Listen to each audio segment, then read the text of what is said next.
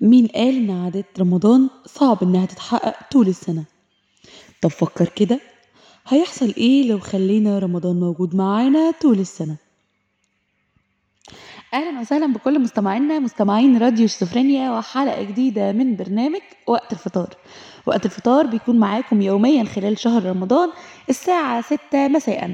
يكون في معاكم أنا إيمان أسد والنهاردة هنتكلم عن حاجة طعمها لذيذ جدا.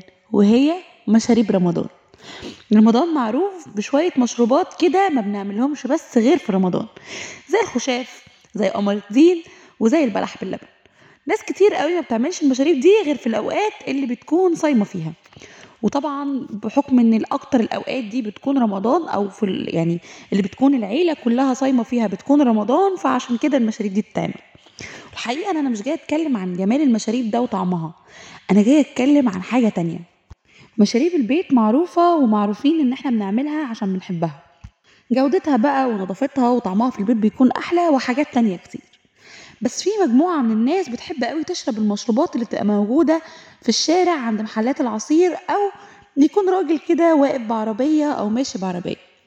الناس بتجيب الحاجات دي في شهر رمضان أكتر والناس دي بتبقى عليها إقبال وبيع في شهر رمضان أكتر عن بقية الشهور التانية. وده طبعا عشان الناس بتبقى صايمة وبتجرح صيامها على المشروبات ديت.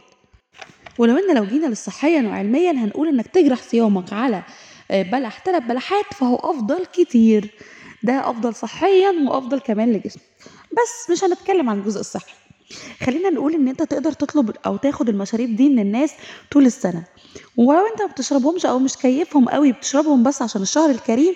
فتخيل إن أنت بتعمل ده عشان ده حد مش عايز يسأل أو يبقى ماشي بيمد إيده ويطلب مساعدة من حد فبيحاول إنه يشتغل. وكونك إنك بتيسر عليه وإنك كده كده بتحب أصلا المشروبات ديت فأنت بتفتح له باب رزق وبتوسع من باب رزقه. ربنا يجعلنا كلنا في الدنيا بنوسع باب أرزاق بعض.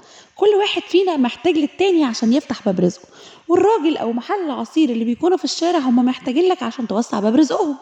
فكونك بتحب الحاجات دي أو بتحب المشروبات دي ممكن تحاول من وقت للتاني تبدل مشروباتك اللي بتشربها في الشارع من حاجات فيها صودا للمشروبات دي وانت كده كده بتحبها.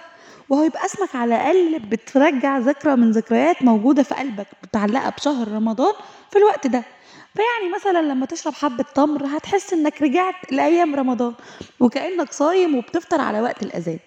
ده حاجة كده ليها علاقة بإنك بتفك كرب حد قدامك.